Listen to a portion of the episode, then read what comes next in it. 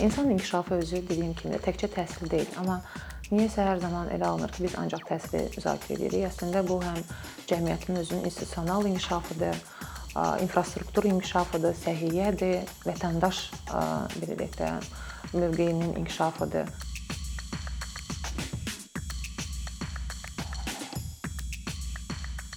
Şöbən xanım salam, xoş gördük sizə ikincidə. Hazırki iqtisadi sistemdə həmin o ölkələri inkişaf etmiş ölkə hesab edirlər ki, orada insan kapitalı çox inkişaf edib, elm, texnika, texnoloji tutumlu bir sənaye var. Və bu tip müvafiq ədəbiyyatlarda, müzakirələrdə tez-tez biz insan inkişafı konsepsiyasından bəhs edildiyinə şahid oluruq. Hətta bununla bağlı müxtəlif indekslər var, beynəlxalq təşkilatlar insanın inkişafı ilə bağlı ölkələri qiymətləndirirlər. Və mən də bilirəm ki, siz bu sahəyə yaxın istiqamətlərdə fəaliyyət göstərirsiniz. Bu baxımdan təklif edirəm gəlin elə müzakirəyə ondan başlayaq ki, insan inkişafı nədir, bunun mahiyyəti nədən ibarətdir və bu niyə vacibdir? Ümumi prosesləri izləyəndə dünyada və ölkəmizdə istənilən sahənin inkişaf göstəricisini insan təyin edir. İstənilən proseslərin altında insan dayanır.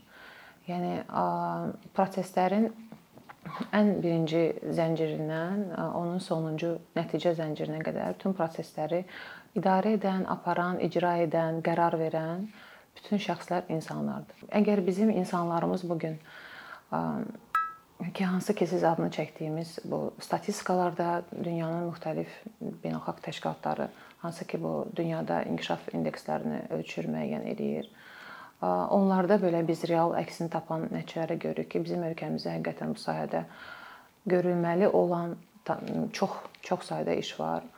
Əslində bu şeylər insan inkişafını bizə həm də nə diktə edir? Günümüzün reallığı. 4-cü sənaye inqilabı artıq hətta bəzi ölkələr 5-ci sənaye inqilabından danışırlar. 4-cü sənaye inqilabının Azərbaycanın hal-hazırda hətta daxil olduğu demək istəyirəm. Yəni yavaş-yavaş daxil olduğu bir çağırışları bizə onu ehtiva edir ki, insan indiki etapda istehlakçı olmamalıdır əslində. Bu çağırışların bizə gətirdiyi o qədər yeni alət, bacarıq və səriştələr var ki, Azərbaycan kimi inkişaf etməkdə olan ölkələr belə həmin o resursları, düzgün potensialını, özlərinin şəxsi inkişafı, ölkənin iqtisadi inkişafı kontekstində düzgün analiz edib bu yolda istehlakçı yox, müşahidəçi yox. Ən pis status müşahidəçidir. İstehlakçı belə sənin müəyyən bir büdcən var ki, o məhsulları ala bilirsən. Bunu biz yaradıcı tərəf olsaq, yəni bu hansı ki artıq insan inkişafının indiki reallığı bunu diktə edir. Bu bir tutaq ki, indi baş verən prosesdir. Hal-hazırda Sinqapur, İsrail, Hollandiya özü Yəni əslində bu adları ona görə çəkirəm ki, ölkələrin adlarını, həmin ölkələrin, yəni ümumi xəritəsinə baxsaq, resurs, ehtiyatlar xəritəsinə baxsaq, biz həmin ölkələrdə insan faktorundan başqa, insan resurslarından başqa ciddi bir başqa resurslara rast gəlmirik. Amma reallıqda indiki inkişaf dinamikasında həmin ölkələrin dünyanın bazar payı, və digər-digər xeyli sayda saya biləcəyim səviyyələrində həmin ölkələr ən pis halda top 10-u paylaşırlar. Yəni ilk üçlüklər əksər hallarda var. Nəyə görə? Çünki ölkəsinin ehtiyatlı ehtiyatlarından ancaq onun öz vətəndaşı, öz insanı olduğunu başa düşən hökumətlər, ölkələr yeganə investisiya belə deyək də yatırımını öz insan öz insanlarının bilik və bacarıqları olub. Və son ildə hətta bu gün mən maraqlı araşdırırdım bəzən mövzunu. Bu gün maraqlı bir statistika gördüm. Bu gün biz Çini dünyanın insan inkişafına görə və onun belə deyək də istehsal qabiliyyətinə görə dünyanın mərkəzi adlandırırıq. Amma düşünün ki, son 20 ildə Hindistanın öz insanların həm də bu industriyada olanlar bilir, bu gün dünyanın IT işçi qüvvəsinin çox hissəsini hindlilər təşkil edir. Və bu dinamikanı, onların xüsusi bacarıqlarını görən ölkə bu sahəyə daha çox investisiya edərək bu gün həmin inkişaf göstəriciləri və iqtisadiyyatda yaratdığı dəyər həmin içki qüvvəsinin Çini belə geridə qoyur.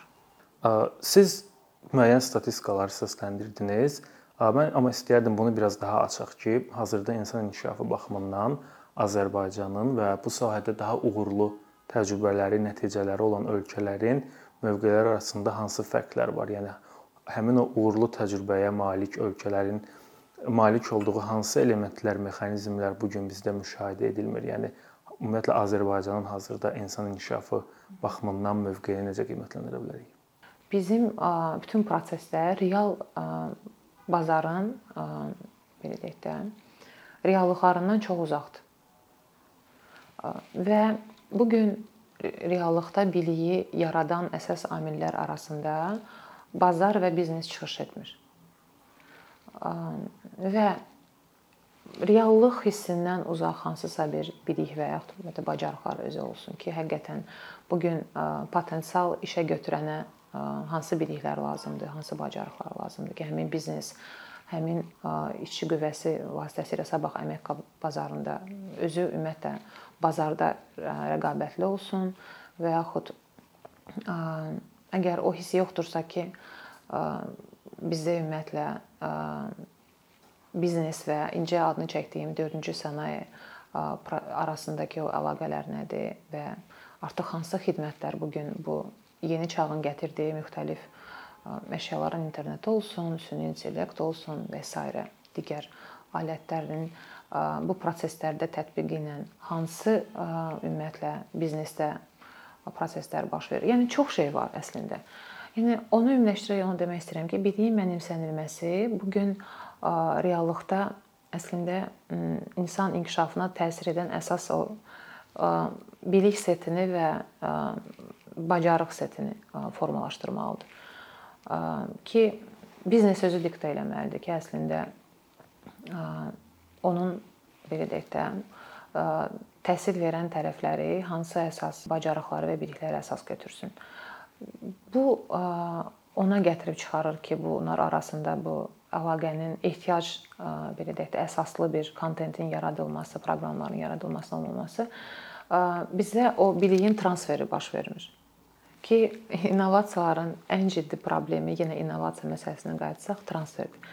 Super wow ideyaları olan uşaqlar var ki, əslində bu özü belə yer gələndə çox böyük bir Azərbaycan belə deyək də reallıq üçün əslində kifayət qədər yaxşı təcrübələndirici məqamdır. Çünki illərdir biz öz övladlarımızı və yaxud öz çevrəmizə özüm belə daxil out of box çərçivədən kənar düşürməyi çox da bacarmamışıq. Maliyyə savadlığımız. Çünki istənilən super wow ideya sabah kommersiyalaşdırılmalıdır ki, o innovasiya olsun. Bəs qeyd elədiyiniz məsələləri aradan qaldırmaq üçün Azərbaycanda innovasiya ekosistemini yaxşılaşdırmaq baxımından, insan inkişafının daha sürətli və dayanıqlı inkişaf etdirilməsi baxımından sizcə konkret hansı addımlar, hansı mexanizmlər Azərbaycanda ciddi irəliləyişə gətirib çıxarda bilər? İnsan inkişafı özü dediyim kimi təkcə təhsil deyil, amma niyəsə hər zaman elə alınır ki, biz ancaq təhsili müzakirə edirik. Əslində bu həm cəmiyyətin özünün institusional inkişafıdır, infrastruktur inkişafıdır, səhiyyədir, vətəndaş belə deyək də mövqeyinin inkişafıdır. Bütün bu məsələlər özü amma hər birinin altında bu mövqeləri gücləndirən məsələ təhsildir. Əgər biz bu gün nə qədər texniki bilik bacarıqlarımızla də güclüyüksə, nə qədər çox öz hüquqlarımızı biliriksə, nə qədər çox dediyim kimi real bacarıqlara sahibiksə, yəni ən azından dövriyyəmizi maaş dövriyyəsi, yəni böyük bir biznesin maliyyə idarə etməsini nəzərdə tutmuram, amma özümüzün xərclərimizi, gəlirlərimizi düzgün hesab hesablaya biliriksə, düzgün maliyyə idarə etməmiz varsa, satış bacarıqlarımız varsa, yəni biz niyəsə bunu hər zaman biznesə bağlayırıq. Yəni insan özünü belə təqdim etməyi, özünün ideyalarını, özünün proses, yəni indi olduğu mövqedə belə günün istənilən bir hissəsində bu bacarığını mütləq necəsə reallaşdırır. Və mənim indi olduğum proseslərdə ən əsas çox ciddi bir, yəni üzərində işlənilməsi olan bir mövzu bu həyati bacarıqların Azərbaycanın təhsil proqramlarına salınmasının vacibliyidir. Çünki dediyim kimi mən özüm həmişə bu şeyi niyə fikirləşirəm. Mən hələ də bilmirəm ki, mən kotangensi niyə keçmişəm. Bu əladır əslində. Yəni Azərbaycan təhsili bir şəxsi kifayət qədər dünya görüşlü, kifayət qədər hər şeydən məlumatlı edir, amma reallıqda 11-ci sinifi bitirəndən sonra həmin o bilik setindən bu atıldığı real dünyada o ötürülən bizə biliklərin nə qədəri bizi bu cəmiyyətdə ayaqda qalmağa xidmət edir. Və son vaxtlar gördüyüm real proseslər və universitetin özünün reallıqları, auditoriyaya oturan tələbələrin, magistrların özlərinin təhsildən gözləntiləri, real gözləntiləri. Onu deyir ki, bu gün biz ümumiyyətlə ötürdüyümüz texniki biliklərlə bərabər, bərabər, yəni çox ciddi bir pay həm də həmin şəxsləri real həyata hazırlamalıyıq.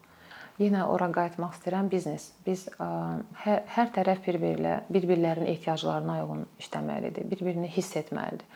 Bu gün yenə mən onu səsləndirirəm. Yəni dövlət innovasiyanın və yaxud insan inkişafının ehtiyacını daim özü formalaşdıran tərəf olmaz. Ola bilməz. Biznes davamlı bu hissiyatı verməlidir ki, əslində ona hansı tip mütəxəssislər lazımdır. Tələbələr özləri bilməlidir. Bu arada olan uçurum, praktiki uçurum aradan qalxmalıdır ki, bu dediyim transfer məsələsi olsun. Çünki transfer məsələsi olmayanda istənilən layihə, istənilən ideyanın dayanıqlığı sual altındadır. Yox, yəni artıq uğursuzluqla nəticələnir. Bir də əsas elə biznesdən danışarkən toxunmaq istədiyim əsas məsələ R&D-dir. Tədqiqat və inkişaf son ən azı 1-2 ildə ən çox həm dövlət tərəfdən, həm şirkətlər, böyük holdinqlər, korporativ cəmiyyət tərəfindən eşidilən və artıq kifayət qədər ciddi müzakirə olunan bir mövzudur.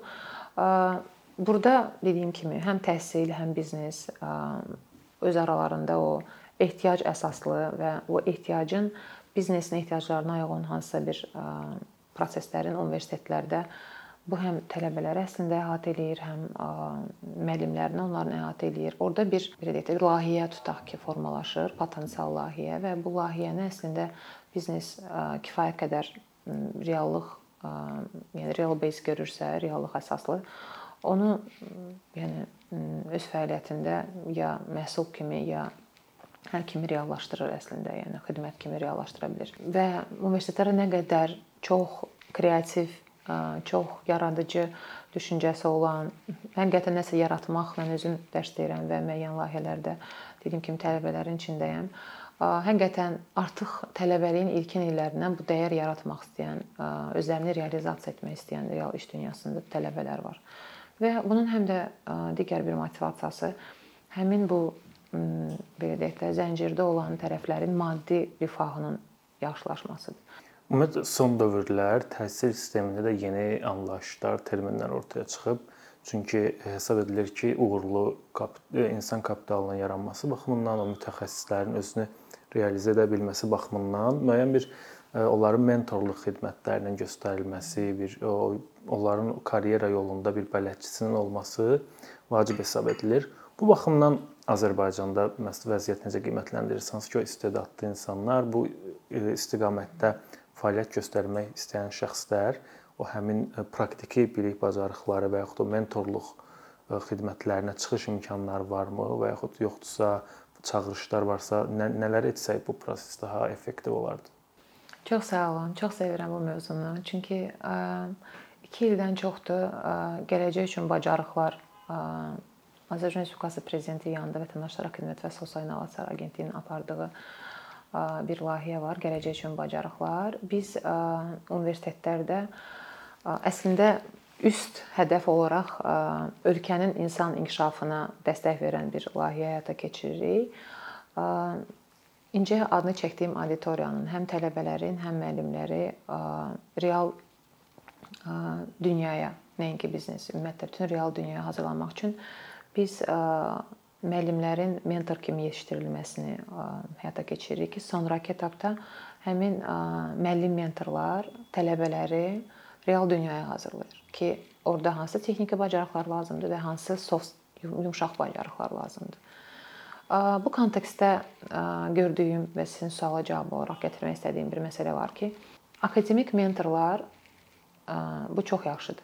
Tələbələrin ümumiyyətlə özünü inkişaf etdirmək istəyən istənilən auditoriyanın birinci qapını döyəcəyi bir deyək də şəxslər həmin şəxslərdir ki, tutaq ki, fərd özünü hansısa bir sahədə inkişaf etdirmək istəyir, daha güclü bir şəxs kimi.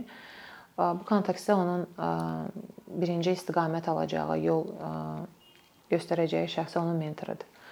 Amma biz həm də bu ölkədə artıq biznesdə və korporativ mühitdə o şəxsləri də bu prosesə cəlb etməliyik ki, onların əslində necə danışdığımız kimi real biznesdə nə baş verir hissini ötürmək bir də imkanları olsun. İndiki dünyada bu biznes mentorlar, biznes koçlar adlanır və bunların üçünün bir bir deyək də sinerjisi əslində insan inkişafını daha əsaslı edə bilər. Həm nəzəri baxımdan, hansı ki biz o məlumatları ötürürük, həm də praktiki baxımdan ki, biz əslində bir ideyanın reallaşması üçün real dünyada gözləntilər var, onları ötürürük.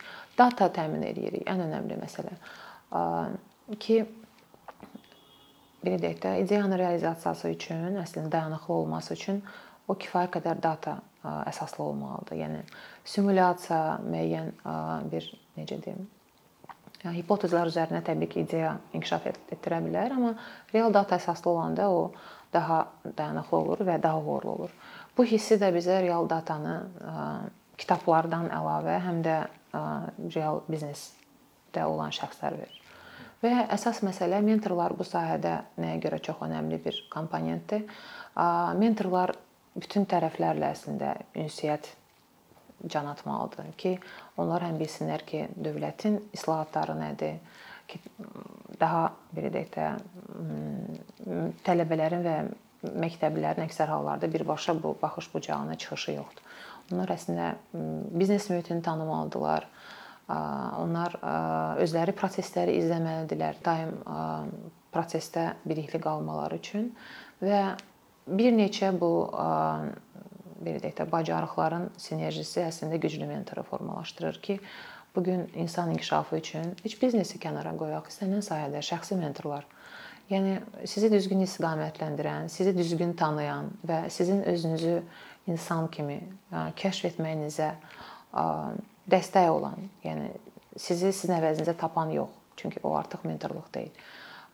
Sizi özünüzü insan kimi kəşf edib öz bilik və bacarıqlarınızı harda reallaşdıra biləcəyinizə bu yolda belə deyək də işıq tutan şəxslərdir və nə yaxşı ki bu proses başlayıb, nə yaxşı ki bu prosesi biz başladıq və çox yaxşı indi nəticələrini görürük. Düzdür, asan proses deyil, amma fəlsəfəsinə inandığımız və uğurunu gördüyümüz prosesdir və bu kütləvi hal alsa və artıq böyük holdinqlərdə şirkətlər özü özlərində bu biznes mentorluğu yəni inkişaf etdirməyə başlasalar və universitetlərlə bu linki yarada bilsələr, düşünürəm ki, bizdə 4-cü sənayenin tətbiqi prosesləri daha çox sürətlənəcək.